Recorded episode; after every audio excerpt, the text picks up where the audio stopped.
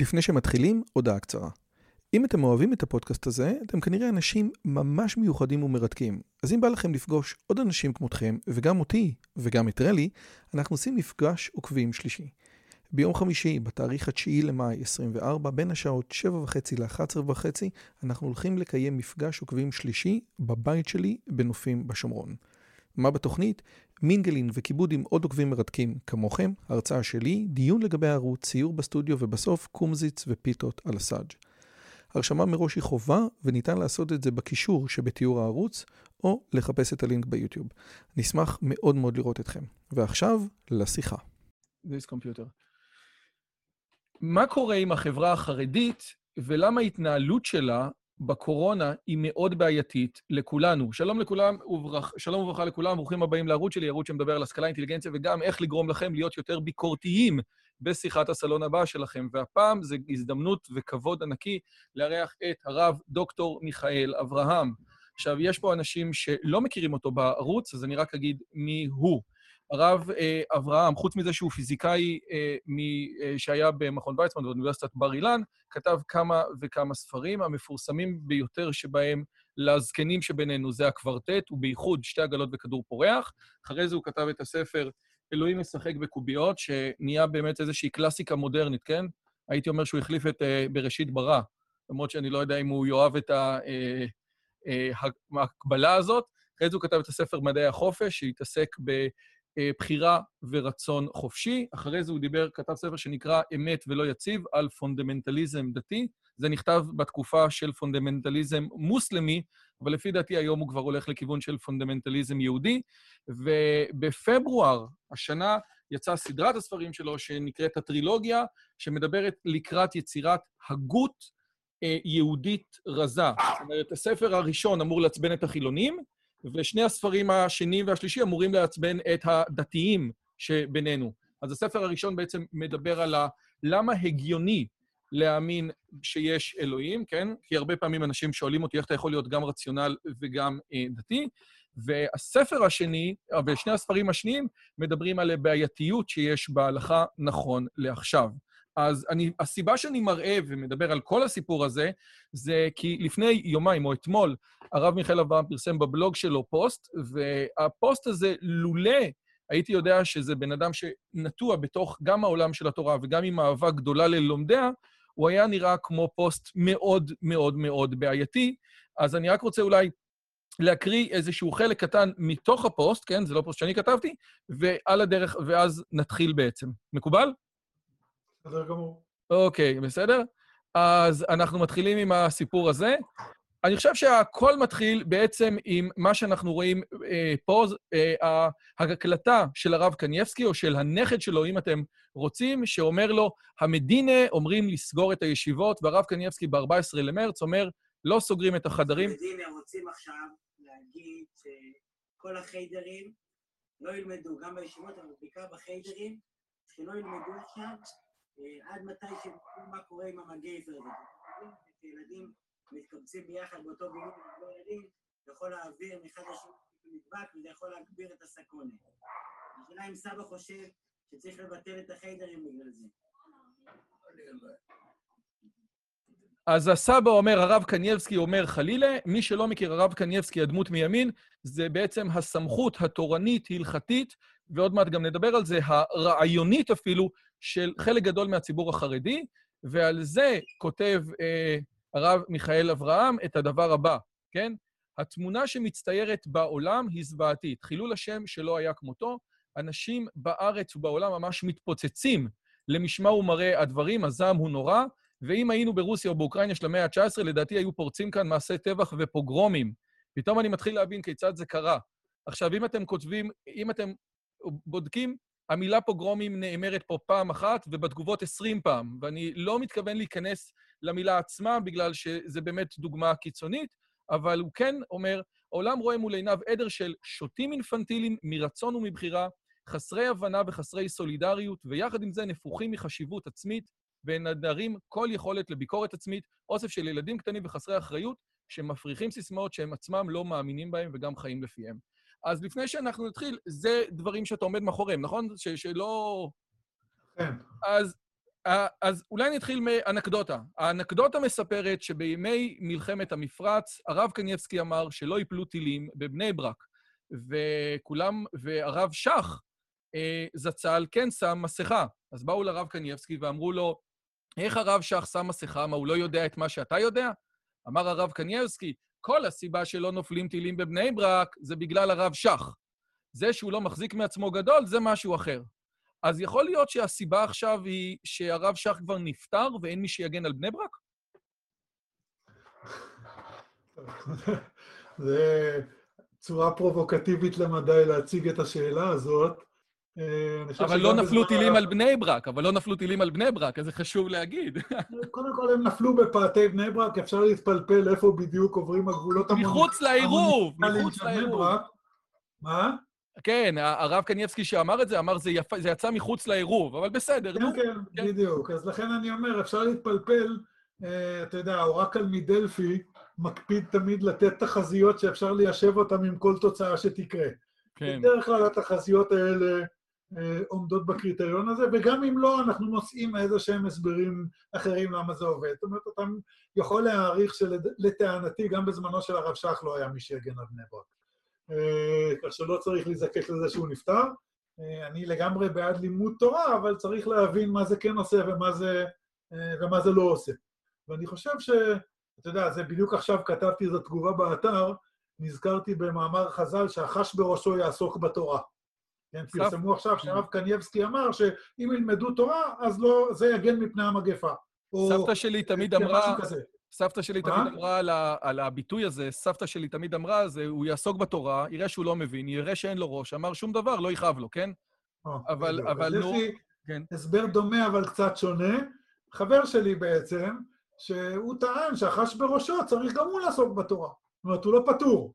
זה לא, אה, זה לא אומר שה, שהתורה תרפא לו את כאב הראש. אה, אז בוא נגיד, אני מוכן לקבל את האמירה של הרב קנייבסקי, אם נופלים טילים צריך ללמוד תורה. זה לא אומר שזה שנלמד תורה ימנע את הטילים או את הקורונה או, או מה שלא יהיה. אני לא, לא נוטה לקבל את האמירות האלה. עכשיו, יש פה באמת איזשהו סיפור שלצורך ה... העניין, אנחנו רואים את זה היום שוב, בחדשות. זאת אומרת, אם אתה פותח ynet היום, אז אה, אה, ליצמן חולה בקורונה, אה, הרב קנייבסקי מתפלל במניין למרות שאסור, ועכשיו בוויינט לפני כמה דקות יש אוטובוס בבני ברק שנוסע למרות שאסור לנסוע. אתה גם הבאת בפוסט שלך איזשהו מאמר של, שצ... של, אני אגיד לך מי הוא הבחור הזה. אה, פרקש. כן, של הרב פרקש, כן, אז אני, אני לא זה. של הרב פרקש, שבעצם אומר שההתנהלות הייתה שלא באמת מקשיבים להוראות הזה. ואחד הדברים, אחת הבעייתיות שיש, אם נפלו טילים בבני ברק, יפלו טילים בבני ברק, אבל מכיוון שבני ברק היום מכילה את כמות החולי קורונה הגדולים ביותר שיש, חלק מאוד גדול מדבר על חוסר סולידריות, כמו בהרבה מאוד מאמרים. זאת אומרת, הרעיון הזה שאתה תופס מיטה בגלל ההתנהלות הביזיונית והלא זהירה שלך, אתה תתפוס מיטה של בן אדם שהיה כן זהיר. רק אני אגיד שבתגובה ל, ל, אה, לסוגיית הסולידריות, אמרת שזה לא חוסר סולידריות, אלא שילוב בין טמטום ורוע. נכון. זאת אומרת, אני חושב שאם אה, האנשים היו באמת משוכנעים שהווירוס הזה מסוכן, הם היו סוגרים את הישיבות. והראיה שאחרי כמה ימים, גם הרב קניבסקי הורה לסגור את הישיבות, אפילו הגיע להגדרה של מי שלא עושה את זה, הוא רודף, כן? עבר מהקיצוניות האחת לקיצוניות השנייה. אה, ולכן לא הסכמתי לדיאגנוזה הזאת שמדובר בחוסר סולידריות. חוסר סולידריות פירושו שלמרות שנשקפת סכנה, אני לא משתף פעולה עם ההתגוננות נגדה. אני חושב שהם פשוט התעלמו מהסכנה. זאת אומרת, אם הם היו חושבים שיש סכנה, הם כן היו משתפים פעולה. אבל ההתעלמות הזאת היא התעלמות רשלנית. וחלק גדול...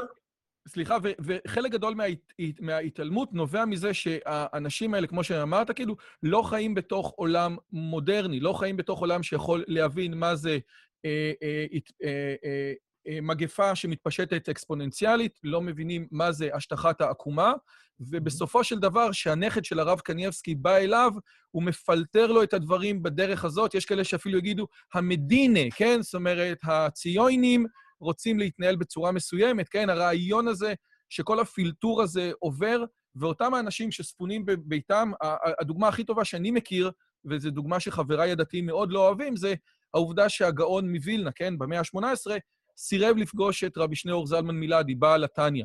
עכשיו, יש לזה שתי סיבות שאתה יכול לתת. סיבה אחת זה שהוא הבין בעולמות עליונים שאם הוא יסרב לפגוש אותו, אז החסידות תתפשט כמו שראוי שיהיה.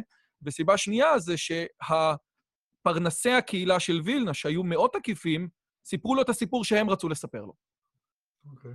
נכון? זאת אומרת, לא, וזה בגדול הסיפור. זאת אומרת, הפילטר שאתה עובר, כן? יש פה איזשהו פילטר שעובר, ואותם חכמים שספונים בבית שלהם, היכולת שלהם להתנהל בהליכות העולם היא בלתי הגיונית. זה גם אתה מדבר בספר האחרון של מה ההגדרה של גדול הדור במאה ה-21, שיש לי את פרויקט השו"ת ואת אוצר החוכמה, נכון?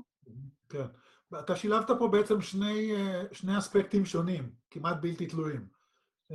אחד מהם זה ההיכרות עם העולם ומתמטיקה, נגיד, כדוגמה. זאת אומרת, להבין את משמעותו של תהליך אקספוננציאלי. הדוגמה היפה לזה שהיום, אני לא יודע עד כמה זה בדוק, אבל היום באתר מישהו טען שהרב קנייבסקי הסתמך על איזה גמרא, שהגמרא מגדירה מה זאת מגפה. מגפה זה אחוז מסוים של נספים, זאת אומרת, פר אלף אנשים כמה מתו, ולפי זה מגדירים מה זאת מגפה. עכשיו, זה כמובן חוסר הבנה מתמטי, בגלל שזה שהיום מתים עשרה, יכול להיות שמחר כבר ימותו עשרים בתהליך אקספוננציאלי. וזאת דוגמה לאספקט הראשון. עוד פעם, אני לא בטוח שבאמת זה היה השיקול של הרב קניבסקי, אבל זה בהחלט יכול היה להיות השיקול, גם אם זה לא היה. כי זה עולמו המושגי. וה, והאספקט השני שהרבת פה זה היחס למדינה והפילטור והצגת המציאות הלא שלמה או המגמתית שלאורה מתקבלות החלטות. שני הדברים האלה נכונים, שניהם קיימים, הם בלתי תלויים. זאת אומרת, הפילטור, יש לו גם כן שני אספקטים. אספקט אחד זה שהמקורות, מקורות המידע שמהם ניזון הרב אה, אה, קניבסקי, הם מקורות אה, מסוימים מאוד, בטח לא אנשי מקצוע, בטח לא אנשים שמציגים לפניו את מגוון האפשרויות או מגוון התפיסות או הפרשנויות והעובדות, ו, ומעבר לזה יש גם פילטור אידיאולוגי. זה פילטור של חוסר מקצועיות, אבל יש גם פילטור אידיאולוגי. והפילטור האידיאולוגי אומר שברגע שזה מדינה, אז אוטומטית אתה מסתייג. ואתה לא, כמעט לא יכול להרשות לעצמך לא להסתייג. הרב פרקש מדבר על זה שם במאמר, והוא באמת אומר שהוא מראה אפילו את צורת ההתבטאות של העיתונות החרדית. כן, שעברה מהציונים לרופאים, זאת אומרת, אנחנו שחס וחלילה... מהשלטונות, כן. לא, אפילו שני ביטויים שהם יחסית ניטרליים, אבל עדיין ההבדל מאוד ברור. בהתחלה זה גזירת השלטונות, וזה השלב שבו אנחנו אנטגוניסטים. והשלב השני זה הוראות הרופאים ומשרד הבריאות, שזה ביטוי אה, יותר ניטרלי. אה, שניתנה רשות לרופא לרפא.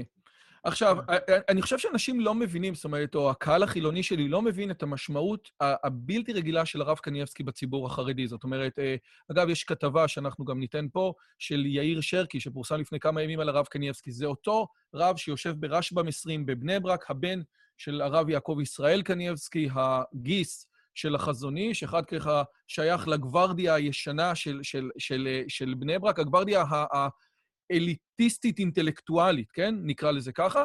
ובסופו של דבר, הבן אדם הזה, או הרב הזה, הזה שעושה את אה, סיום, מסיים את הש"ס כל שנה בערב פסח, כי הוא בכור, הוא, הוא גם מחליט על דברים של יהדות התורה, כן? זאת אומרת, גפני אומר, אני מתייעץ איתו על דברים. עכשיו, אתה אומר, תקשיב טוב, הבן אדם לא מעורה בעולם, אומר לך גפני, שמאוד מעורה בעולם, אני כל הזמן מתייעץ איתו. זאת אומרת, אני חושב שזה חלק מתוך הסיפור. הטענה שלך זה שמפלגת יהדות התורה היא-היא מפלגה שחיה בתוך העולם המודרני, מצביעה בכנסת, והיא מקבלת את ההחלטות ואת השיקולים שלה דרך אנשים שפחות מכירים את העולם שבו הם, אה, שבו הם חיים, נכון?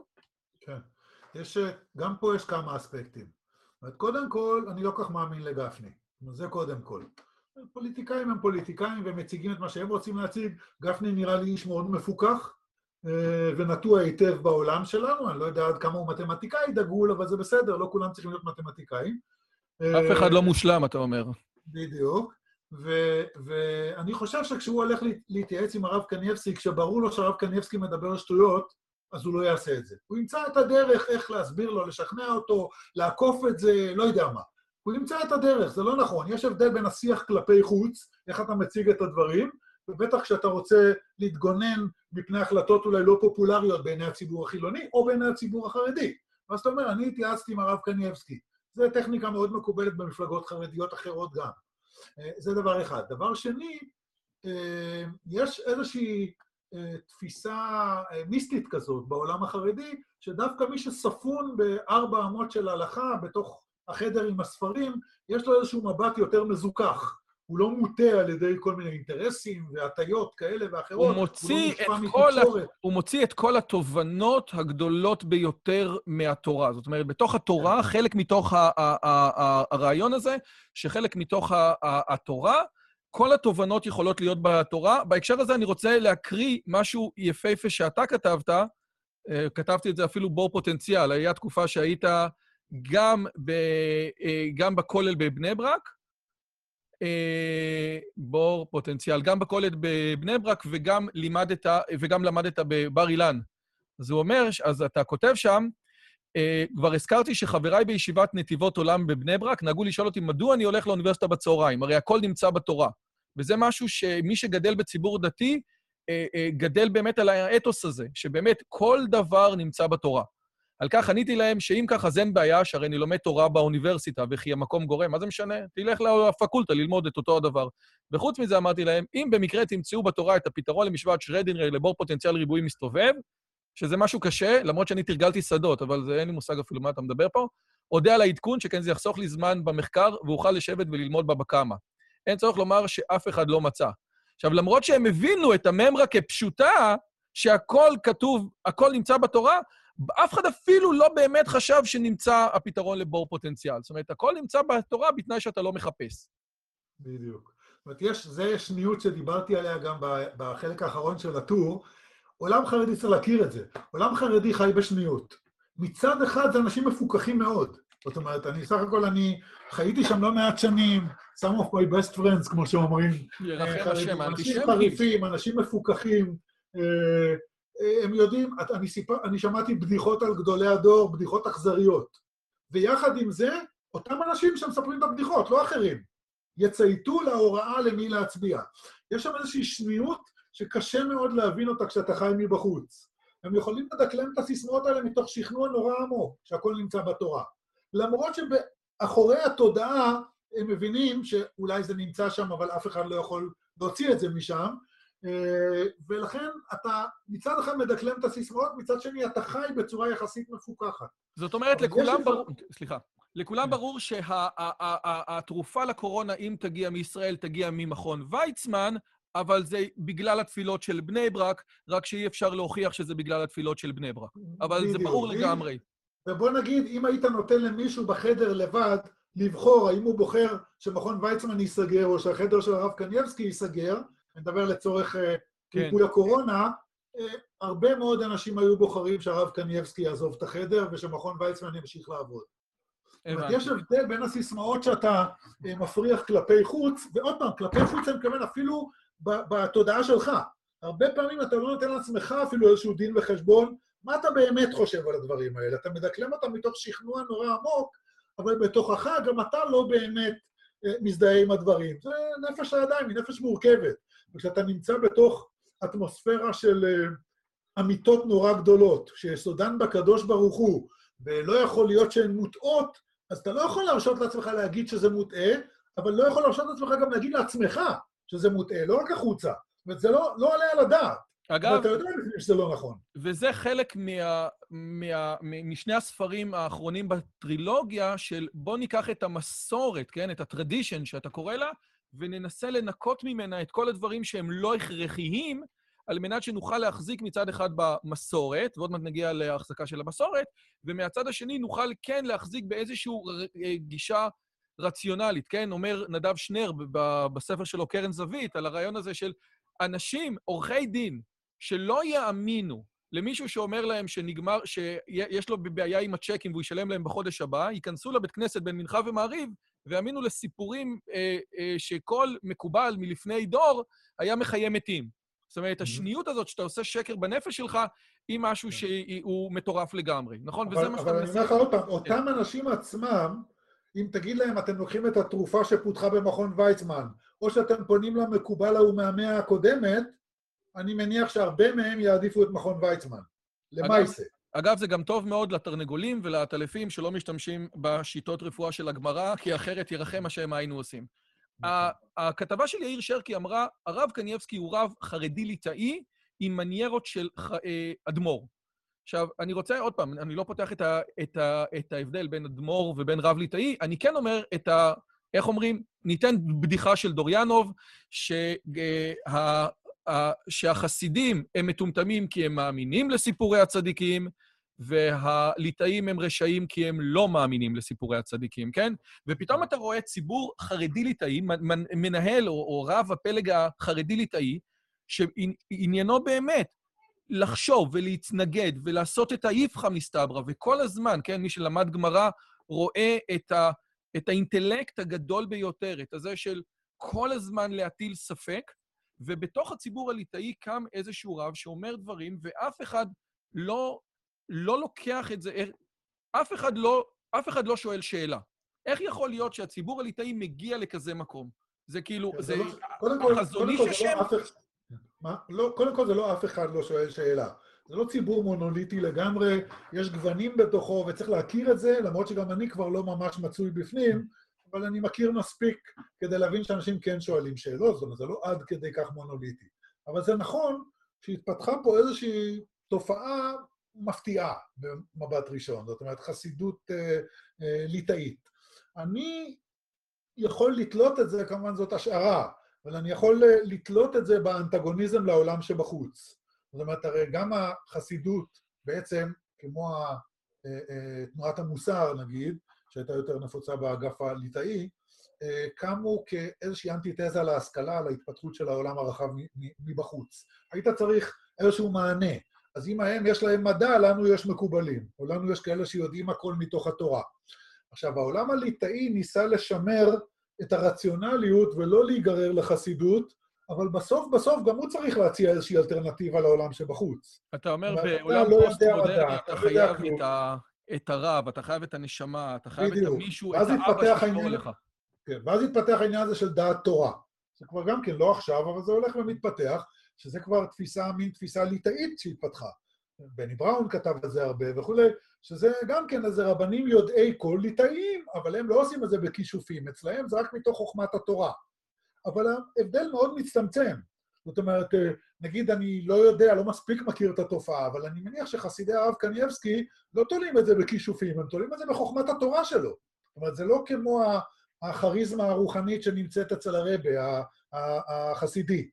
אבל בסוף בסוף הם שניהם נזקקים למשהו שייתן להם אלטרנטיבה. אם אין לנו מדע ואין לנו הבנה ואין לנו הכרה, מוכנות להכיר בעולם, אז עם מה אנחנו מתמודדים? מה הכלים שלנו? ולכן איכשהו בכל זאת אתה חייב להתעלות על משהו. ואני חושב שזה, אגב, התופעת ה-New Age במידה מסוימת גם היא כזאת. זאת אומרת, בתוך העולם הרציונלי, המערבי, המודרני, מתפתחת איזושהי תופעה נורא מוזרה ומפתיעה. תגובת נגד, תגובת נגד. כן, הזדקקות לכל מיני אה, מקורות אה, טרנסצנדנטיים כאלה של ידע או של תקשור, או כל מיני דברים מן הסוג הזה. אנשים שאתה בהקשרים אחרים יכול לראות, אנשים נבונים, אנשים אינטליגנטים, נזקקים לכל מיני דברים הזויים. ולמה? כי הם מחפשים אה, איזשהו עוגן להתעלות עליו. אגב, שם זה גם חלק מזה, זה בגלל אובדן האמונה.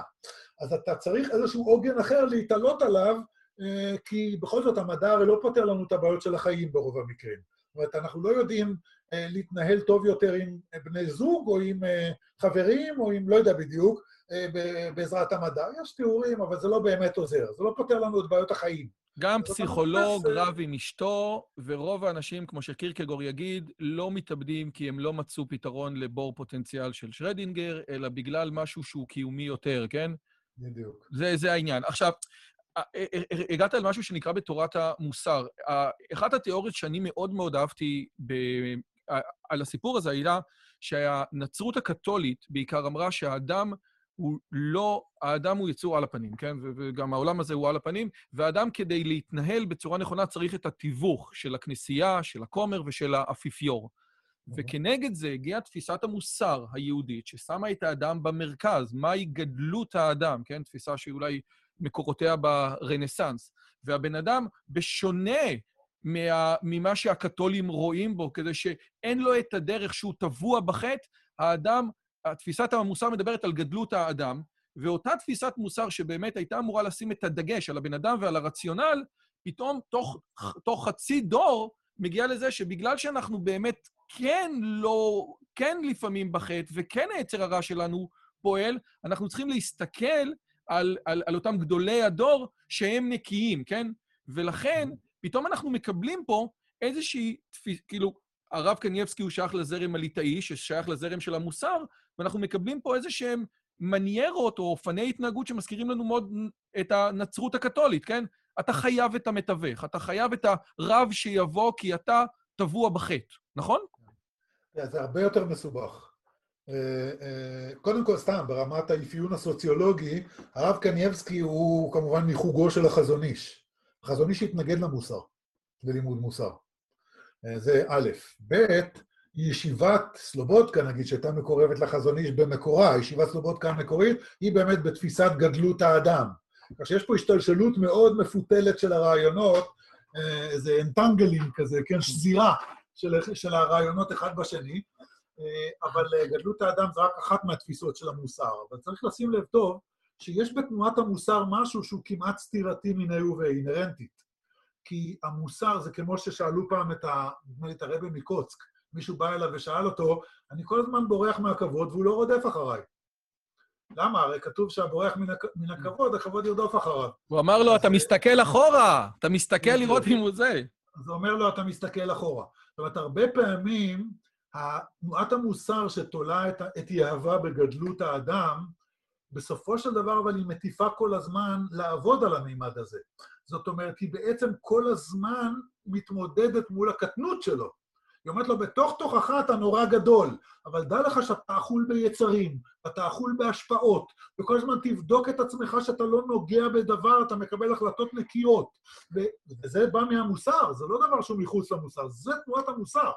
ולכן מצד אחד זה גדלות האדם, מצד שני זאת נבירה בלתי פוסקת כדי לשמר או לחשוף את הגדלות הזאת ולהתמודד עם כל ההיבטים של הקטנות שמאיימים כל הזמן להטביע אותנו.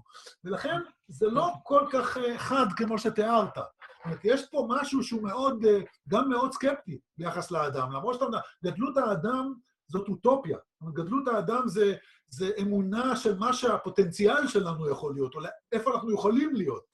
אבל, אבל שתדע לא שאתה בעצם ביום-יום לא גדול, ולכן תפיסת המוסר בשונה מהחסידות היא יותר עצובה, כן? למה הליטאים נכון, אומרים נכון. את, uh, את הפסוקים של מגילת אסתר במנגינה העצובה, שגם הם יהיו שמחים. זאת אומרת, העצבות זה השמחה הליטאית. עכשיו, בגלל ש... בגלל ש... באב זה פורים של הליטאים. כן, יפה. אגב, יש אה, בדיחה אחרת, למה, אז למה לא לעשות את כל המגילה במגילת, במנגינה שלך? אומרים, לא, זה כבר יהיה הוללות, זה כבר אנחנו לא כן. לא... עכשיו, אתה כתבת דברים באמת אה, אה, קשים מאוד על, אה, על, על אה, הרב קניאבסקי, מי שבאמת נחשב כגדול הדור, למרות שעוד פעם, ההגדרה שלך של גדול הדור אומרת, היא, היא צריכה להיות אחרת, בין היתר על, על העניין הזה שאם היה פה איזשהו אינטגריטי, אנשים היו צריכים לקום וללכת, כן? ולא לפסוק הלכה או להורות בעניינים שהם מחוץ לעולם הזה. ואולי אני רוצה לתת בנקודה הזאת את האיפכא מסתברא, כן? זאת אומרת, באיזשהו מקום, אה, יואב סורק, כן? אני, אני אקריא את מה שיואב סורק אומר. יואב סורק אומר את הדבר הבא. הוא אומר, תקשיב, אני הולך לסופר, ובתוך הסופר יש, אתה יודע, אנשים מגיעים עם הילדים שלהם, איזה, איזה סבתא בסופר אומרת, אנשים באים עם הילדים שלהם לסופר, אני ביקשתי, אני כבר זקנה, זה מסוכן לי העניין הזה של ילדים, אבל לי לראות את הנכדים שלי אסור, לסופר מותר. ואומר יואב סורק, שאני משתתף בתפילת שחרית, במניין מצומצם, בשני מטר, זה אסור. הרי אם נלך, וזה אגב חלק מהאנשים שכתבו לך גם בתוך הפורומים, כן? מי שכתב לך אמר, בסופו של דבר, יש את העניין הזה של מה שנקרא מצב, אה, מצב הרוח, כן? בסופו של דבר. אז אם לצורך העניין, כן, בואו נקרא את זה, את מה שכתבו. טה-טה-טה-טה-טה. אה, אומרים כזה דבר, בסופו של דבר, הנה, חלק נכבד מחסינות הגוף תלויה במצב הרוח. איזה מצב רוח יש שמשפחה של עשרה נפשות נכלאת בדירה צפופה עם ילדים, חסרי סבלנות ותעסוקה, ללא מנוחת הנפש ללמוד ולהתפלל. בסופו של דבר, הציבור החרדי הביא את עצמו, או חלק מתוך הסיפור הזה, שהוא חי בצפיפות, בעוני, בהרבה מאוד ילדים, ובין היתר אתה עונה על הדברים האלה בצורה הזאת של... אה, אני לא אומר מה נכון ומה לא נכון, אני רק, יש לי ביקורת על איך אה, ההחלטות מתקבלות בתוך הסיפור הזה. אבל היא עושה רושם שלרוץ מותר, כן, ועכשיו יש אפילו קבוצת וואטסאפ שאומרים, בואו נרוץ בין חמש לשבע בבוקר, כי זה ממש חשוב לרוץ, אבל מניינים אסור. אמנם הווירוס לא מבחין בין, אה, איך אומרים, בין צדיק לרשע, אבל, אבל מה לגבי אנשים שאומרים, רק רגע, יש פה איפה ואיפה? אז תראה, אני אענה לך בשני מישורים. אה, במישור התוכני, זאת אומרת, לעצם הטענה, קשה מאוד לקבוע, מס... אי אפשר בלי ללכת לסופר, נתון. עכשיו השאלה היא, מה בדיוק מותר לעשות בסופר ואת מי להביא ואת מי לא להביא. פה השאלה היא עד איזה רזולוציה אפשר לרדת עם ההוראות. יכול להיות שפספסו פה משהו, אף אחד לא מושלם, האמון שלי בממשלה הוא די מוגבל, אפשר היה גם לקרוא את זה בפוסטים אחרים, זה לא שאני הסנגור הכי, זה לא שאני הסנגור הכי גדול שלהם, אבל אה, אה, עדיין יש פה איזושהי הנחיה שאי אפשר בלעדיה, זאת אומרת שאפשר ללכת לסופר. עכשיו השאלה, מה לעשות, מה לקנות ומה לא לקנות, את מי להביא, את מי לא להביא, זה רזולוציות שבינתיים לפחות לא הצליחו כנראה למצוא הגדרה טובה לעניין הזה. יכול להיות שבמסגרת ההחמרות זה עוד יגיע, אני לא יודע. לעומת זאת, מניין זה לא, זה לא, זה לא פיקוח נפש. נכון שזה מפריע למצב רוח של האנשים, גם להתבודד בבית מפריע למצב רוח של האנשים. כמו שאנשים צריך, דתיים צריכים את המניין, אנשים חילוניים צריכים את החברה, ודורשים מהם להישאר בבית. אז יש, אני חושב שיש היגיון מסוים לשים איזשהו קו, למרות שהוא כמובן קו גס, כי אתה נותן פה הוראות למיליוני אנשים, אבל, אבל אלה הקווים ששמים, אתה לא יכול לתת לכל אחד, תורת כל אחד בידו. ו, וצריך להבין שכאשר בן אדם פרטי מחפף ומביא את הילדים שלו לסופר, הוא באמת לא בסדר. אבל אם מישהו היה נותן הוראה, חבר'ה, קחו את הילדים לסופר, על זה הייתי כותב אותו דבר. זה שני דברים שונים. וכשאתה נותן הוראה לציבור, וזה אה, אה, טור קודם שכתבתי גם כן על נושא הקורונה, יש הבדל מאוד גדול בין השאלה איך בן אדם פרטי מתנהג, שזה בסך הכל חסר משמעות בסקאלה הרחבה. מה זה משנה אם אני אביא את הילד שלי לסופר, אולי עוד אחד ידבק, או עוד שניים ידבקו, זה לא big deal. אבל בסופו של דבר זה לא ישנה את המפה. אבל כשציבור שלם של עשרות, מאות אלפי, אני לא יודע כמה אנשים, מקבלים הנחיה שהיא נגד הכללים המקובלים, זה ישפיע מקרוסקופית. זה לא משהו שהוא חיפוף של אדם בודד. לכן זה טיעון אה, שונה לחלוטין. גם אם נקודתית, אני חושב שאין הבדל בין לרוץ לבין להתפלל. אגב, היום כבר אסור גם לרוץ, אבל זה דיון אחר. זה במישור התוכני. במישור. ואגב, בבני ברק זה כמובן הופך, מקבל איזושהי העצמה, כי זה כמובן מזימה של הציונים המרושעים נגדנו. אז אתה מבין שהטענות האלה הן לא מנותקות מזה, זה לא שאתה לא מחזיק מעמד בלי מניין, אלא שברגע שיש גזרה על המניין, אז זה ייהרג ואל יעבור, זה ציפור הנפש שלי, מה זאת אומרת? לכם מותר לרוץ ולי אסור להתפלל? אגב, אני חושב שהרב כן. טיקוצ'ינסקי כאן, או שלמה טיקוצ'ינסקי, אני מניח שהוא ככה אה, בן של הרב טיקוצ'ינסקי, אמר שאחד הדברים המשמעותיים ביותר בכל הסיפור הזה... האנטגוניזם. אה, אולי נגיד את זה אחרת, כן? אה, שהוא רואה את עצמו בתוך ה... איפה זה? הנה, פה צריך עיון. אה, רגע, איפה זה ה... לא יודע איך נכנסים לזה, אוקיי. העלית את ה... הנה, הנה, לעמוד על נפשנו, כן. זאת, זאת, זאת, זאת אומרת שהתודעה החרדית הקולקטיבית היא, או סליחה, התודעה היהודית זה אנחנו מולם, כן? תרבות מול תרבות נגד. זה היה חלק מהסיפור הזה, כן. כן. זאת אומרת, אנחנו תמיד, איך אומרים, רצו להרוג אותנו, רוצים עכשיו, באים עלינו לכלותנו, ואנחנו אה, לא ניכנע להם. כן? אנחנו לא ניכנע להם. בדיוק, אז אני, מה שאני רוצה לטעון, הוא לגמרי צודק. מה שאני רוצה לטעון זה שגם הטענות האלה על מצב הרוח של המניין וכולי, לפחות בהקשר החרדי, זה לא לגמרי ככה, אבל יש בזה מרכיב כזה, הן גם באות משם. אתה תסתדר גם בלי מניין, או הרבה אנשים יסתדרו בלי מניין. יש אנשים שיסמכו על זה שיש להם היתר לא ללכת למניין. לא אומר שכולם, אבל יש. אבל ברגע שזאת גזרה, מה זאת אומרת? אז להם מותר לרוץ ולי אסור להתפלל במניין? אז מתעוררות הטענות. ולכן זה לא בלתי תלוי באנטגוניזם ובשלטונות, מה שדיברנו קודם, מול משרד הבריאות. זה הסרוך הנעל, כן. עכשיו יש פה גזירת שמד, ובגזירת שמד, לפי המסורת, אפילו אם אומרים לך לשנות משהו שהוא חסר משמעות לחלוטין, כמו את שרוך הנעל, תשנה אותו לירוק, אתה צריך למות ולתת לזה את הנפש. זה חלק מתוך האתוס שאנחנו משמרים. בדיוק. לכן בעיניי הטענות האלה הן קצת מיתממות. מעבר לזה שיש הבדלים, כמו שאמרתי קודם, אבל זה הכל בקשר לתוכן הטענה. השאלה שבעיניי מטרידה לא פחות, זה, היא כפולה. זאת אומרת, א', השאלה, עד, עד כמה באמת עשית את השיקול כשקיבלת את ההחלטה הזאת? הרי הרב קנייבסקי אמר להמשיך ללכת לישיבות. אני חושב שמצב הרוח של האנשים כשהם הולכים למניין, נניח שכן. ומה אם להמשיך את הישיבות ואת הכולל, גם בלי הכולל הוא לא מסתדר? אני ישבתי בכוללים בבני ברק. אנשים יסתדרו מצוין גם בלי ללכת לכולל. המצב רוח שלהם יהיה בסדר. זה, לכן ההיתר שם לא נבע מזה, ההיתר שם נבע מזה שהתורה מגינה ומצילה, לא מזה שצריך לדאוג למצב רוח של האנשים. אלה תירוצים שבדיעבד.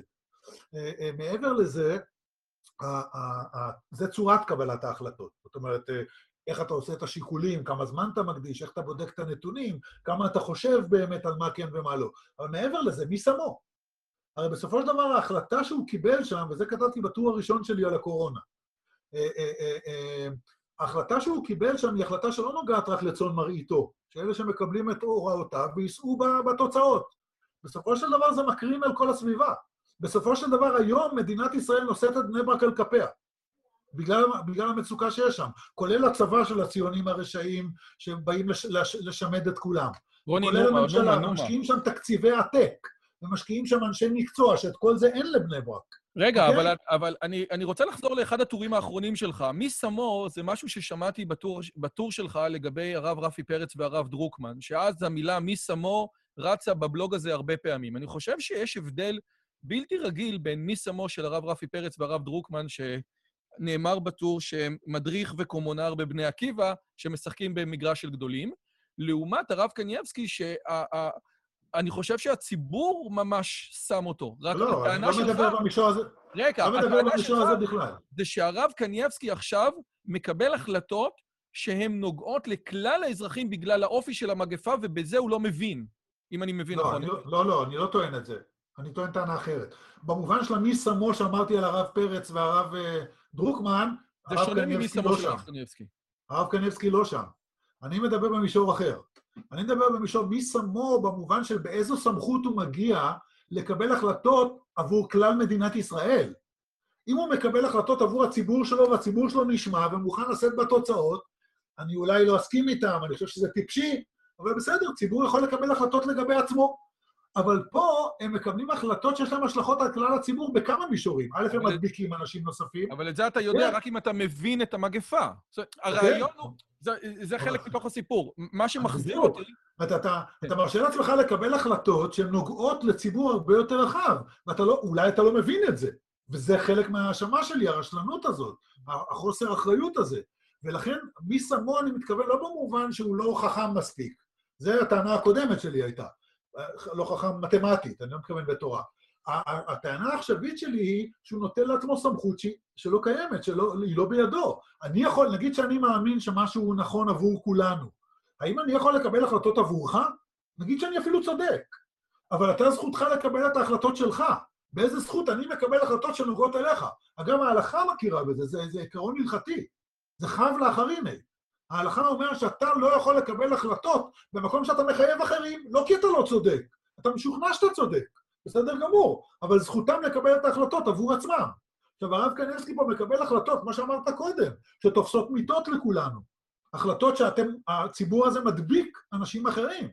ההחלטות האלה, הציבור הזה עכשיו זוקק משאבים עצומים. אתמול הייתה מסיבת העיתונאים התורנית, כן, היומית של נתניהו ובר סימן טוב, הוקדשה לבני ברק, כמעט חצי ממנה, או לא יודע כמה, רובה, הוקדש לבני ברק. אז בני ברק זה היום האישו שמדינת ישראל מתעסקת איתו.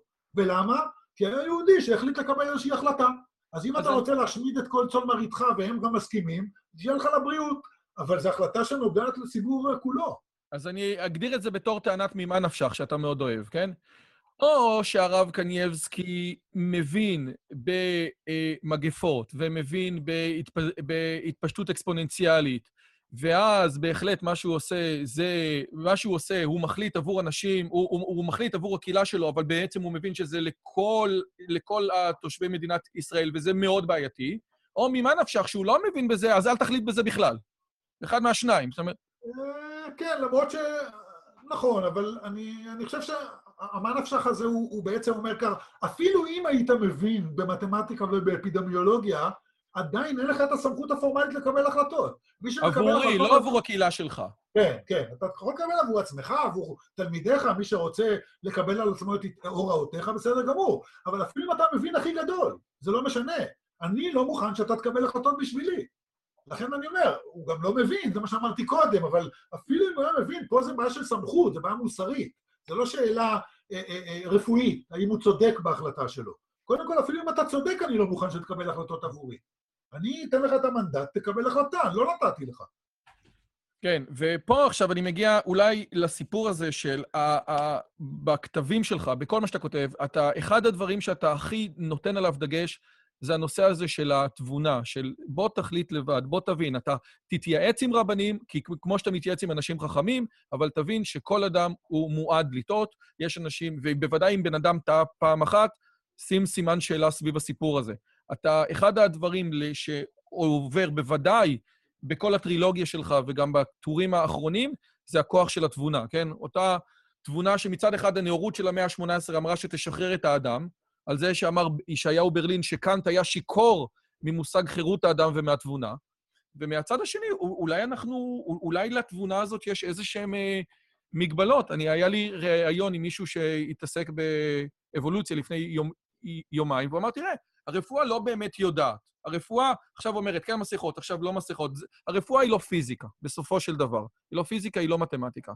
אם אני רוצה לחדד, בגלל שזה חשוב לי מאוד, כי אנשים שאלו, הטענה שלנו היא, אין לנו אלטרנטיבה אחרת. אין לנו אלטרנטיבה חוץ מהמדע. יכול להיות שעכשיו המדע אומר שצריך מסכות, ויכול להיות שקורונה יכולה להדביק גם מי שהיה חולה וזה. ואני לא יודע את זה עכשיו, אבל אין לי אלטרנטיבה זולת הכלים המדעיים לקבל החלטות. נכון, זאת אומרת, ברור שמדע יכול לטעות, ומדעניזם זאת רעה חולה. אה, אה, וברור, אני מקבל לגמרי, וצריך להיות ביקורתי, הכל נכון. מי שיש לו כלים יותר טובים, שיציע, נדון, ובסדר, נקבל. זה הדרך הכי טובה שאני מכיר לטפל בסוג כזה של בעיות. אמרתי, המדע לא מטפל בהרבה מאוד בעיות אחרות, קשות, אבל, אבל בסוג הזה של הבעיות המדע מטפל מצוין, או הכי טוב שיש, לא יודע מצוין. ובטח וירוס חדש שרק עכשיו לומדים להכיר אותו, אז ברור שיפספסו בו דברים. יש פה אינטרסים ופוליטיקאים, וביבי וליצמן, וכל אחד מושך לכיוון שלו. זה, אני רחוק מלהיות עם אמון עיוור בקבלת ההחלטות הממשלתית. ועדיין, זה מה שיש. אם כל אחד יעשה את מה ש... אם אנשים יקבלו החלטות באופן אחר בעיניי, במיוחד כשההחלטות הן עבורי, זה בעייתי מאוד. אבל אני רוצה להגיד עוד משהו לגבי התבונה. אה, אה, אני לא כזה אופטימי לגבי זה שכל העולם חכם. להפך, בעיניי אם רוב העולם חושב משהו, הוא כנראה לא נכון עד שיוכח אחרת. אה, אבל אני כן חושב שלבן אדם יש אחריות על ההחלטות שלו. זאת אומרת, אני הייתי, היה לפני כמה זמן איזה כנס פה בבית ספר ערבי, באורט, באורט רמלה, וביקשו מכמה אנשי דת מכל הדתות, אתה יודע, דרוזים, מוסלמים, נוצרים, רבנים, לבוא ולדבר קצת. כן. אז כנראה שלא אה, מכירים אותך פה מספיק בלוד. אה, אוקיי. בכל אופן, ביקשו לדבר שם על כל מיני דברים, על יחסים אה, בין דתות וכולי. אני אמרתי להם שם משהו שקצת קומם את אנשי הדת האחרים, משהו קצת אה, רדיקלי. אמרתי להם, תראו, בדרך כלל היהודים מאוד חוששים מהקיצוניות הערבית. ואני חושב שהפתרון לזה הוא לא לרסן את המנהיגים הערבים. הפתרון לזה הוא להטיל האחריות על האזרח. זאת אומרת, אני קורא לכם לא לשמוע בכל המנהיגים שלכם. לא בגלל שהם לא מתונים, אלה שהיו איתי שם היו מאוד מתונים. זה היה ממש אה, מלבב לשמוע כן. איך שהם מדברים. תמיד. מי שמגיע לשיחות האלה, כן, גם הרב כן, סולובייצ'יק דיבר. על מי שמגיע לשיחות האלה. נכון. אז הנקודה היא, לכן גם אני בדרך כלל לא מגיע, אבל זו ההזדמנות לדבר עם תלמידים, לא בשביל להיפגש עם, הפורום, עם המנהיגים, כן. אה, ואמרתי להם, תראו, אם כולם מצייתים למנהיג, זה מרשם לאסון. לא בגלל שהמנהיג נותן הוראות לא נכונות, אלא בגלל שהוא יכול לתת הוראות לא נכונות. אומרת, אם המנהיג ייתן הוראות לא נכונות, במזיד או בשוגג, אם הוא רשע או טועה או לא משנה מה, כולם יעשו את מה שהוא אומר, ואז תהיה קטסטרופה. אם כל אחד לוקח את האחריות, חלק יטעו, חלק לא יטעו, אנחנו נקזז איכשהו. קצת קפיטליזם מול קומוניזם, כן? מין, אני, יש לי אמון ביד הנעלמה, לא במובן שהיד הנעלמה צודקת, אלא במובן שהיא מקזזת טעויות. ולכן אני מאוד מפחד מתופעות המוניות. זאת אומרת, אם כולם מצייתים לאותו גורם, למרות שהוא יכול להיות מאוד חכם, אבל ברגע שהוא ייתן הנחיה אחת לא נכונה, אנחנו כולנו הולכים לאבדון. ואם כל אחד יעשה את מה שהוא מבין ויישא באחריות, והוא לא יגיד, הוא אמר לי, אז לכן אני פטור מאחריות. אם תישאו באחריות, ותדעו לכם שהאחריות תמיד עליכם, וגם, כך אמרתי להם שם, גם אם אמר לכם פלוני, החכם הגדול, הרב, הקאדי, אני לא יודע מי, אמרתי להם, ככה אני אומר לתלמידים שלי, וככה אני מציע גם לכם, אני לא מוסלמי ואני לא מכיר את ההגות המוסלמית, אני מציע לכם, בעיניי, אדם תמיד אחראי למה שהוא עושה. עם הארץ הכי גדול שלו יהיה, ועומד מולו הרב הכי גדול שלו יהיה. בסוף בסוף אתה צריך לקבל את ההחלטה אם אתה שומע לו או לא.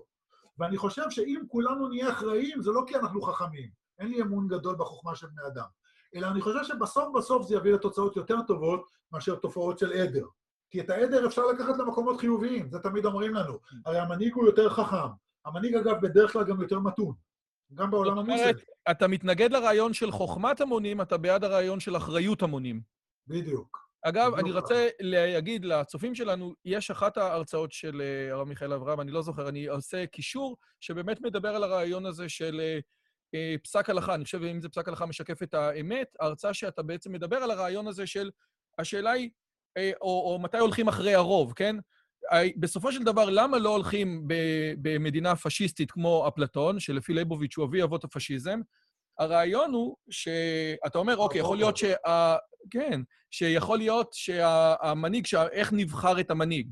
אבל הטענה שאתה מעלה זה שהמטרה של שלטון היא לא לעשות את הדבר הנכון, שזה ודאי לא לשאול את הרוב, אלא לעשות את מה שהרוב רוצה. ופה, יש, ופה הדמוקרטיה משחקת את התפקיד הכי חשוב. אם אתה רוצה לדעת מה הדבר הנכון, לא עושים אה, סקר בישראל היום על תורת הקוונטים.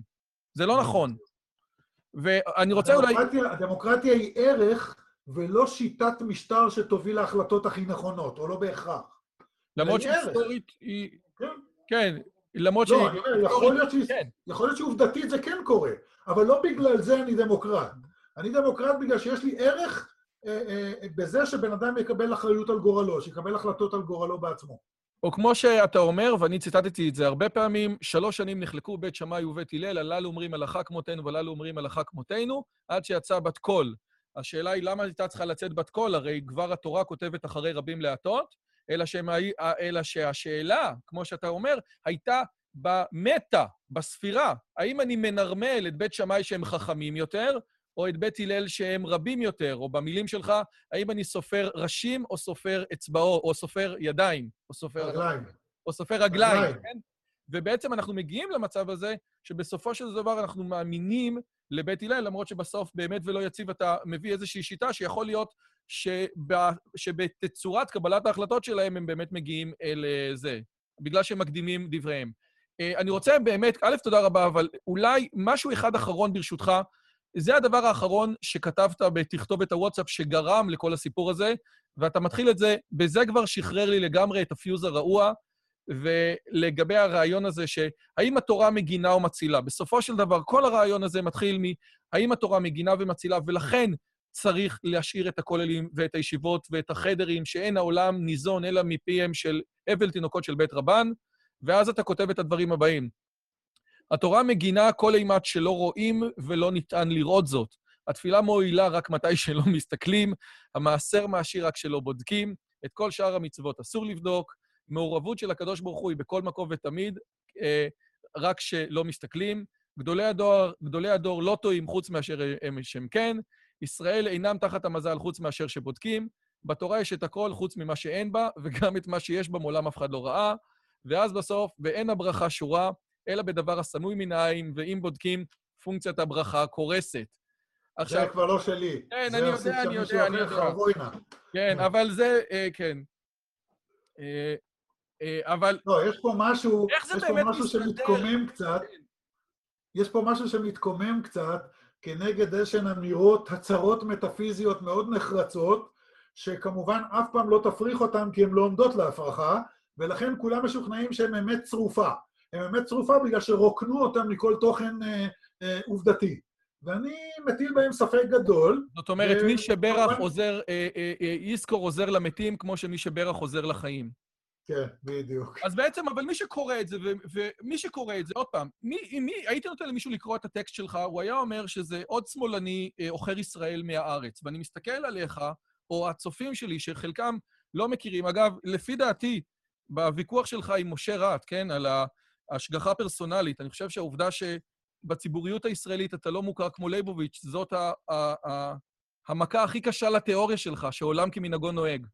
כי אם עולם כמנהגו נוהג, אתה היית צריך להיות כמו ליבוביץ' בשעתו, אז כן? אז זאת ההוכחה הכי טובה למשה רט. אבל אנשים okay. אוקיי. מסתכלים עליך ואומרים, איך יכול להיות? אז אם התורה לא מגנה ומצלה, אז בשביל מה?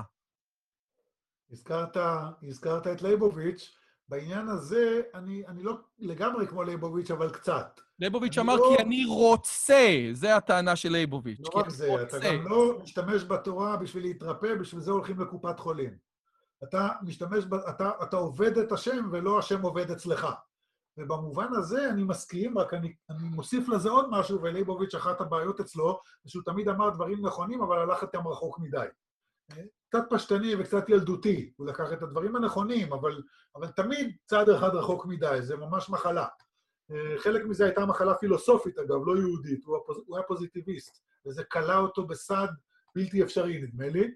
אה, אני חושב שבסופו אה, של דבר אני מקיים את הדברים האלה גם בגלל שזאת מחויבות, כי הקדוש ברוך הוא שברא את העולם ואותי, הטיל את זה עליי, אבל אני גם מאמין שהדברים האלה כנראה באיזושהי צורה גם עושים טוב, זאת אומרת, הופכים את העולם לאיזשהו משהו שלם יותר. בצורה לא, מטאפיזית לא... או בצורה פיזיקלית? אה, אני מניח שזה מטאפיזית, כי פיזיקלית אני לא רואה את זה, אני לא יודע. אבל אני חושב, לא, עוד פעם, אין לי מושג, אבל אני מניח שזה לא סתם עניין שרירותי, מה שהקדוש ברוך הוא אומר לנו לעשות דברים, אלא כנראה זה משהו שאמור להועיל באיזושהי צורה. למרות שמה אכפת לו אם שוחט להגיע... מהצוואר או מהעורף? מה? לא שומע? למרות שמה אכפת לו אם שוחט מהצוואר או מהעורף? מה אכפת לו אם שוחט מהצבא או מהעורף, אבל במובן, אני, אני מפרש את זה אחרת. אני מפרש את זה... רגע, שנייה, אני רק. אסביר את זה לכל ה... זה. יש, יש סוגיה בהלכות שחיטה שצריך לשחוט מהצוואר, ולא כאילו מפה ולא מפה. אל, אל, אל תעשו את זה בבית, כן? אבל... ואז השאלה, למה לשחוט מפה ולא לשחוט מפה? האם יש איזושהי סיבה שבו אתה, אתה אומר, צריך לעשות את המצוות דווקא ככה ולא דווקא ככה, ואחת מה, מהאסכולות בחז"ל זה אלוהים אמר לך ככה וזהו. לאלוהים זה לא באמת משנה מה אכפת לו לאלוהים אם אתה שוחט מפה או שוחט מכאן, אלא ככה, ככה אמרו לך וככה תעשה. והדבר הזה מוביל אותנו ל... רגע, אבל זה חסר טעם. אתה יכול להגיד שמי ששוחט מהצוואר זה יותר הומני לבעלי החיים. מהצד השני, אם אתה נותן טעם למצוות, אז עושים ברית מילה ביום השביעי כי זה בריא. נו, עכשיו המדע יגיד שזה לא בריא, מה תעשה? זאת אומרת, אני מניח שזה בצורה מאוד פשטנית חלק מהעניין הזה של מה אכפת לו? אז הרמב"ם בשורש השישי, בפרק השישי משמונה פרקים שלו, הרמב"ם באמת מדבר על הגמרא הזאת, והרמב"ם אומר שיש הבדל בין מצוות מוסריות או שכליות לבין מצוות שמעיות, מצוות שלא נראות הגיוניות. אבל ההבדל הוא במובן הנפשי, ולא במובן המטאפיזי. הוא לא טוען שלאלה יש סיבה ולאלה אין סיבה, לכולן יש סיבה. חזקה על הקדוש ברוך הוא שלא עושה דברים סתם. הוא אומר שיש כאלה שחושבים שהם מגדילים את הקדוש ברוך הוא בזה שהם אומרים שהמצוות הן ללא סיבה, במורה נבוכים, והוא אומר, זה בעצם להקטין אותו. אנשים הגיוניים עושים, לא עושים דברים בלי סיבות, אז הקדוש ברוך הוא סתם יעשה דברים אה, שרירותיים. אבל, הוא אומר, אז איפה, איפה מתמקמת פה הגמרא שהזכרת עכשיו? אז הוא מסביר שמה שהשאלה, מאיפה צריך לבוא הקיום שלי. האם הקיום שלי צריך לבוא מתוך הזדהות, או אני אמור להזדהות עם מה שאני עושה? במישור המוסרי כן. זאת אומרת, אדם טוב זה אדם שעושה את הדברים גם כי הוא מזדהה איתם, ולא רק כי הקדוש ברוך הוא ציווה. אבל זה המצוות המוסריות, השכליות. המצוות השמעיות, אתה אמור לעשות אותן כמי שכפאו שד, כאילו, מה אעשה ואבישע בשמיים גזר עליי? כן, כי מה אכפת לו אם שוחטים מהצוואר או מהעורף? אבל זה לא בגלל שאין סיבה, אלא שהסיבה היא לא סיבה חברתית מוסרית, אלא איזושהי סיבה מטאפיזית, אני לא יודע איזה. וכיוון שכך, אל תתלה את זה במוסר ותתחיל לעשות את זה מתוך הזדהות מוסרית, כמו שמקובל מאוד, הרב קוק למשל עושה את זה, הוא מזהה את הכל עם סיבות מוסריות. אני כן. לחלוטין לא מסכים איתו בעניין הזה. בעברית אה, פשוטה מה שהוא אומר, מי שלא גונב לא אמור להרגיש צורך לגנוב, ואז הוא לא גונב, הוא אמור להבין שלגנוב זה לא טוב, אבל כשאתה עושה מצוות כמו, אני לא יודע מה, אה, אה, כמו כשרות, כן, נותן טעם בנותן טעם, כמו שאתה אוהב להגיד, אז, אז זה, אין לי, אה, אה, אה, אין לי עניין לעשות הזדהות אה, מוסרית ערכית עם זה. אני רק אגיד שכנגד התפיסה הזאת של הרמב"ם, הרלב"ח, לצורך העניין, ושנר מביא אותו גם, אומר שדווקא זה גדלות לאנשים שרוצים לעשות משהו רע ולא עושים. הוא נותן את הדוגמה של יוסף. עכשיו, דיברנו כל כך... הרמב"ם עצמו מביא שם את התפיסה הפילוסופית. כן. Uh, דיברנו כל כך הרבה על נגד, סליחה שאני אומר, אבל זה נגד הרב חיים קניבסקי, אני קשה לי, בסופו של דבר, אתה יודע, הגעתי מתוך הציבור הדתי, הוא בהחלט, אני לא חלק מצאן מרעיתו, אבל הוא נתפס גם, ב, גם אצל המזרויכניקים, ירחם השם, כגדול הדור. מה, אנחנו יכולים לסיים עם איזה משהו אופטימי, חיובי, על, ה, על, ה, על הרב קניאבסקי, בגלל שבאמת הטור, הטור שכתבת הוא מאוד מאוד, קודם כל, רואים שהוא נכתב בכאב לב, אבל הוא מאוד קשה. אתה גם רואה את זה mm-hmm. אחרי זה בטוק, בטוקבקים. כן. אמרו לי שמשתקפת שם הרבה שנאה, ואני תיקנתי כמה וכמה מגיבים, אמרתי, זה כעס, זה לא שנאה. לכן, אני גם לא דיברתי, אמרתי לך, יש 20 אזכורים למילה פוגרום, 21 כן. אזכורים למילה פוגרום, אחת שלך ו-20 שלהם, ואתה אמרת שאתה לא אוהב שאנשים נתפסים לדוגמאות, אז אני בן, אני לא נתפס לדוגמאות, אבל אני, אבל עוד פעם, הטור קשה. זה טור, כן. אני רציתי לראיין אותך על משהו אחר בכלל, אבל הטור הזה הוא טור קשה. אפשר לסיים עם משהו חיובי על הרב קניאסקי? בהחלט. אני רוצה להגיד, את מה שגם כתבתי באחד התגובות לטוקבקים עכשיו, לא מזמן, אה, ברור לגמרי, ואני מאוד מעריך את המסירות, לא רק של הרב קניאבסקי, אלא כל הדמויות, לא רק המנהיגות, אלא גם צאן מרעיתו, את המסירות ואת המוכנות להקריב ואת העיסוק האינטנסיבי בתורה ואת ראיית התורה כמהות חייהם, אין, אין, אין לזה תחרות בציבורים אחרים. אה, יש לי הסברים למה זה קורה שם, וכמובן, במקום שבו אתה לא מאפשר עיסוק בתחומים אחרים, קל יותר לייצר דמויות אה, מן הסוג הזה. אבל העובדה היא שצריך דמויות מהסוג הזה. אני מאוד חושב שצריך. אני כתבתי לא פעם על הבעיה בציבור הציוני-דתי שאין לנו דמויות מהסוג הזה. הדמויות המסתגרות, שלא מבינות בעולם, שנמצאות בדלת אמות של ספרים. להפך, אני חושב שהדמויות האלה הן חיוניות, אני כתבתי על זה מאמרים. אבל אני רואה אותך, ב- ב- בספר השלישי שלך, אתה אומר, זה ב- בעולם מודרני, כן, כמו שהרב אורי שרקי אומר, שרב קהילה צריך לדעת חמישה דברים לגבי פלטה בשבת ומחם, זה הכל. אין, בעולם מודרני, ואתה כותב בספר שלך, זאת לא הדמויות שאני צריך שינהיגו קהילה בעולם של שוט אס.אם.אס שאתה... אז הנה, אז תדייק. נכון או לא? אני, אני אומר, צריך מאוד דמויות כאלה, מאוד חשוב. בשום אופן לא לתת להם עמדת מנהיגות. שני דברים שונים. זאת אומרת, הדמויות האלה מאוד חשובות, הן נותנות לך מודל לחיקוי, אתה רואה מסירות לתורה, אתה רואה בקיאות וידע שאין להם תחרות. אבל אתה רואה, המחיר, וזה צד שני של אותה מטבע, לכן אני אומר, זה אפילו לא ביקורת. זאת אומרת, זה שהוא לא מבין כלום בהתפתחות אקספוננציאלית, אין לי שום ביקורת. אם הוא היה מבין בזה, הוא לא היה יודע את כמות התורה שהוא יודע. יש, אה, בן אדם הוא מוגבל ביכולותיו, ולכן אין לי שום בעיה עם זה. רק דבר אחד, תדבר על מה שאתה מבין. אל תיתן לבן אדם כזה להנהיג ציבור, זה פשוט לא, זה פשוט טעות, זה הכל.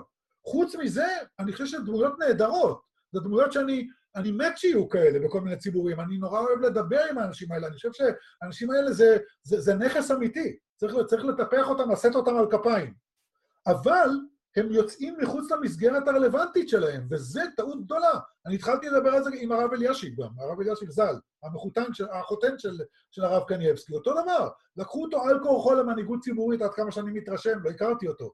לא עניין אותו כקליפת השור. הוא רצה ללמוד תורה, לא מעניין אותו, 24-7 הוא למד. זה, זה דמות שאי אפשר לתפוס בכלל את מידת ההתמדה והאינטנסיביות שלה, של עיסוק בתורה. אגב, שישב על ספסל שקיבל מארגז מהסוכנות בשנות ה-50, וזה היה כן. הספסל שלו במשך 70 שנה. זה ממש דמויות מופת. זאת אומרת, לחנך על הדמויות האלה, זה, זה פשוט נפלא. אני בעד לגמרי. אני רק חושב שני דברים. א', לא כולם צריכים להיות כאלה. ב', או כמו לא שהציבור שלנו אומר, אתם, הציבור הציוני-דתי אומר כנגד הציבור החרדי, אתם טובים בלייצר אחד מאלף, אבל איפה כל האלף? זאת אומרת, אנחנו... זה א', וב', גם האחד מאלף גם צריכים להיות אחרים. זאת אומרת, יש סוג אחר של גדלות בתורה, גם זה סוג, ויש סוג אחר של גדלות בתורה שהוא לא פחות חשוב. גדלות בתורה שמעורה במה שקורה מסביב, שיודעת לעשות כישורים, שיודעת להסתכל על דברים. ואם אתה שואל אותי איזה מסוגי הגדולים האלה אמור לקחת הנהגה ציבורית, אז כמובן אני אגיד לך הסוג השני. אבל אני בשום אופן לא חושב, אין לי שום ביקורת על, ה, על הדמות כשלעצמה, להפך, אני חושב שזו דמות מופת. זו דמות מופת שהייתי מחנך אנשים לאורה, לגמרי. ואני אני, אני גם כתבתי על זה, אני אומר את זה, אני מדבר כל הזמן עם האנשים עד כמה אצלנו אנחנו לא מצליחים להגיע לרמות ההתמסרות האלה, לרמות הבקיאות האלה. הכל נכון. כשאתה אומר אצלנו, למה אתה מתכוון? מי זה אצלנו שלך, כן? אלוהים יעזור. אני, אני לא, מבחינת תפיסת העולם שלי, פילוסופית, היא לא כך מוגדרת. אבל סוציולוגית אני נמצא בעולם ציוני דתי, זאת אומרת, אני... זה המיליה שבתוכו אני מסתובב. אלה האנשים שאיתם אני באינטראקציה. אז כשאני אומר אצלנו, אני מתכוון אה. לזה. אבל, אבל אה, אני אומר ש... שא', אבל, אבל עם שתי הסתייגויות, והן שתיהן חשובות. זאת אומרת, א', זה לא המודל היחיד לגדלות בתורה. חשוב שיהיו כאלה, חשוב גם שלא כולם יהיו כאלה. כי בעיניי גדלות של מקוריות, גדלות של כישורים בין תחומים, זאת גדלות לא פחות חשובה ואולי יותר חשובה בדור שלנו. אבל צריך גם את אלה, הכל צריכים למראה חתיה, כמו שהגמרא אומרת. כן, בין היתר אתה שאלה... כותב על, על יכול להיות שאותו אה, אה, אה, אותו חוקר באוניברסיטה הוא, הוא, הוא, הוא, הוא רב במשמעות היותר אה, אה, רלוונטית היום מאחד שיושב על הגמרא. תראה, חוקר באוניברסיטה לא פוסל אותו, אבל, אבל אני לא הייתי מגדיר את החוקר באוניברסיטה בתור הדמות האלטרנטיבית. מבחינתי, יכולים להיות אנשים שמעורים בתחומים אחרים גם בלי להיות חוקרים באוניברסיטה. אבל הוא מעורה מספיק בשביל לקבל החלטות מושכלות. הרי אף אחד לא יכול להבין בכל התחומים. אבל אתה, אתה צריך להיות מספיק מעורה כדי לדעת למשל לשאול את השאלות הנכונות. נגיד אם הרב קנייבסקי לא צריך להיות מתמטיקאי כדי לדעת לשאול את השאלה מה זה אומר התפתחות אקספוננציאלית. אומרת, זה לא, א', זה לא מתמטיקה גבוהה, כן? אבל מעבר לזה, אני לא דורש ממנו אפילו לדעת מתמטיקה. אני דורש ממנו רק איזושהי מודעות לזה שיש אספקטים כאלה, ששווה לבדוק את זה. ויכולת להבין מה התשובה שנותנים לו, ועד כמה היא אמינה, או שמא גם היא מוטה. ואתה צריך לא להיות מומחה בתחומים האלה, אבל כן להבין את העקרונות קצת, להבין איך זה עובד שם. אחרת, זה באמת לא רלוונטי. אם אתה מבין ואתה... אני אתן לך דוגמה שמית, מה שאני לא אוהב לעשות. נגיד הרב שרלו. הרב שרלו, כן, הוא ידיד שלי, גילוי נאות, אבל, אבל הרב שרלו הוא דמות שמעורה בהרבה מאוד תחומי ידע, אין לו שום השכלה אה, אה, מקצועית באף אחד מהתחומים האלה, ככל שאני יודע, נדמה לי, אם אני לא מפספס, אבל אני יודע שכשמישהו ידבר איתו, האפשר לו ידע לשאול אותו את השאלות הנכונות.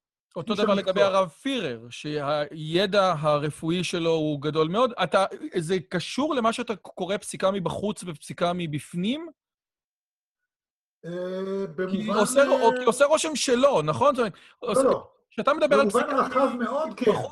כשאתה מדבר על פסיקה מבפנים, זה אומר שאני מבין את העולם הרוחני של הזה ששואל אותי.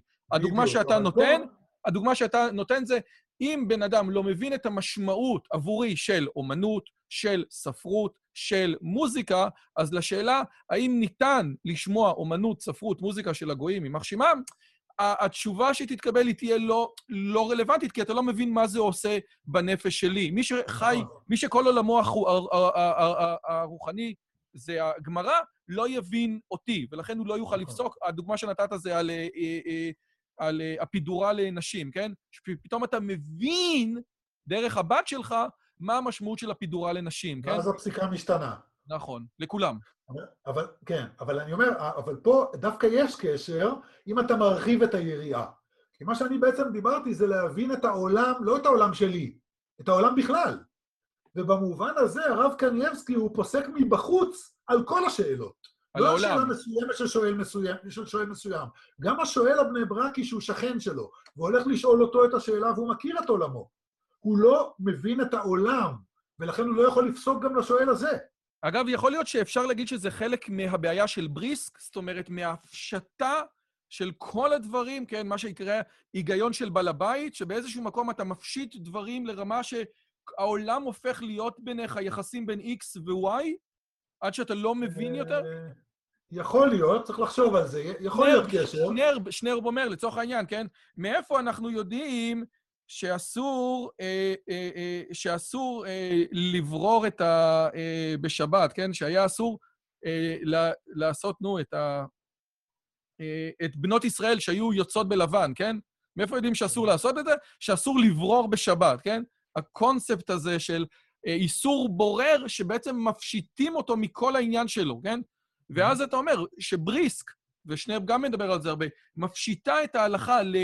ליחסים בין הסימבולים, היא כבר לא רואה את הדברים, נכון? אה, יש כאלה שאומרים שרבי חיים לא ראה צורת מחבת, משהו כזה. נכון. הוא הוציא את המחבת מהמטבח. בדיוק. ואולי זה חלק גם מתוך בעיה, כן? זאת אומרת, נכון. אה, אנחנו עושים איזה תרגיל, אינ, תרגיל אינטלקטואלי בלתי רגיל בישיבה, ופתאום אנחנו אומרים, רק שנייה, אבל יש למה שדיברנו השלכות. נכון, בדיוק. זאת אומרת, אם אתה לא... זו הדוגמה של החדר של מרי, כן, אתה יודע, בוויקיפדיה יש על זה. כפר על החדר של מרי. כן, הפיזיקאית שיודעת את כל החוקים של האופטיקה, אבל היא אף פעם לא ראתה צבע אדום. אגב, אבל היום אפשר לפתור את הסיפור הזה של החדר של מרי בצורה פשוטה, כי יש את המשקפיים שנותנים לעברי צבעים, ואתה פשוט רואה את הפרצוף שלהם כשהם רואים צבע בפעם הראשונה, ואת הבכי ואת הזה. החדר של מרי זאת אה, תופעה פתורה כבר, כן? היא תלמד לא, לא, משהו חדש. לא, כן, בסדר, לא, לא הבנתי. לא תופעה, היא לא תופעה פתורה, בגלל שהשאלה העקרונית בעינה עומדת. כן, כן, כן, אני מבין. מה קורה לפני שנתת לו את המשקפיים? לפני שנתת לו את המשקפיים, הוא לא מבין מה זה צבעים. עכשיו, אם ישאלו אותו שאלה שנוגעת לצבעים, הוא לא רלוונטי בכלל, הוא יכול לעשות את כל החישובים שבעולם. אתה יודע מה, אני למדתי הנדסה. כשהגעתי בתואר ראשון, כשהגעתי לתדירה, נתברר לי שאני לא מבין כלום. אני יודע ללחסן אה, מטריצות עם פולינומים אורתוגונליים והכול, אני לא יודע מה זה טרנזיסטור, מה עושים איתו, או קבל או נגד, או אני לא יודע בדיוק מה. לא, לא יודע מה הדברים האלה אומרים בכלל. זאת אומרת, כל התיאוריה, בתיאוריה הייתי די טוב. זאת אומרת, זה לא... יש, יש משהו ב, בתפיסה של העולם, לא בהבנה, אלא בתפיסה הבלתי אמצעית של העולם, שהוא מאוד נחוץ לפסיקה. למרות שאתה יכול להיות מאוד חכם ולקשור דברים ולעשות קונסטרוקציות אה, לוגיות אה, מאוד מרשימות, אבל אתה צריך להבין במה מדובר בשביל לפסוק. אהבתי מאוד את החידוד הזה שלך, שבסופו של דבר הרב קנייבסקי הוא, כי אם לוקחים את, ה, את, ה, את, ה, את ההבחנה שלך של פסיקה מבחוץ ומבפנים, הרב קנייבסקי הוא פוסק מבחוץ על העולם. והדבר נכון. הזה, יש לו... הוא לא יכול לפסוק בכלל. כן. זאת אומרת, הוא מחוץ לכל העולם, לא מחוץ לעולם של שואל מסוים כזה או אחר. אני כמובן מגזים. כן. זאת אומרת, יש שאלות מסוימות לשואלים מה המיליה שלו וזה, שכמובן... לא, לא, בסדר, הבנתי. לענות עליהן, או יש שאלות טכניות לגמרי שלא תלויות בהבנות uh, של העולם. אני אומר, ברמה העקרונית, זה לא, אני לא מדבר פה על שואל מסוים, זה מה שהתכוונתי רק לחדד. אלא יש פה משהו, איזשהו סוג של מציאות שהיא מציאות אמיתית, לא שהוא לא מבין את העולם שלי. הוא לא מבין את העולם באמת, מתמטיקה זה לא העולם שלי. מתמטיקה זה איך שהעסק מתנהל באמת.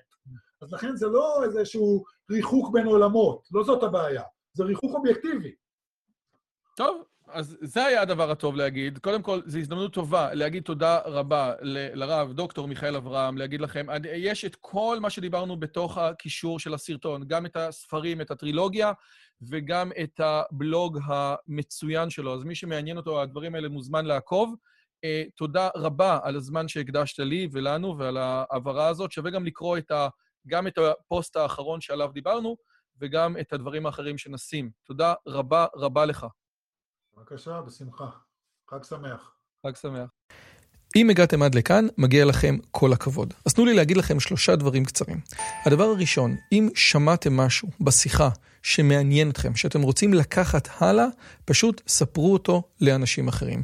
משהו מעניין שאני אמרתי, משהו מעניין שהאורח שלי אמר, איזשהו רעיון שאתם רוצים לקחת איתכם לחיים, פשוט ספרו אותו לחבר או לחברה.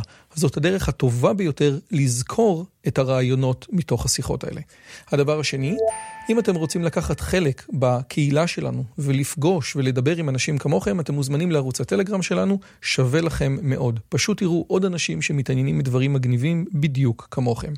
והדבר האחרון, אם אתם יכולים, דרגו את הערוץ שלנו באפליקציית הפודקאסטים שלכם, זה יכול להיות בספוטיפיי, באפל פודקאסט או בגוגל פודקאסט, זה תהליך קצר של שתי שניות, הוא מאוד מאוד יעזור לנו להפיץ את הבשורה הלאה.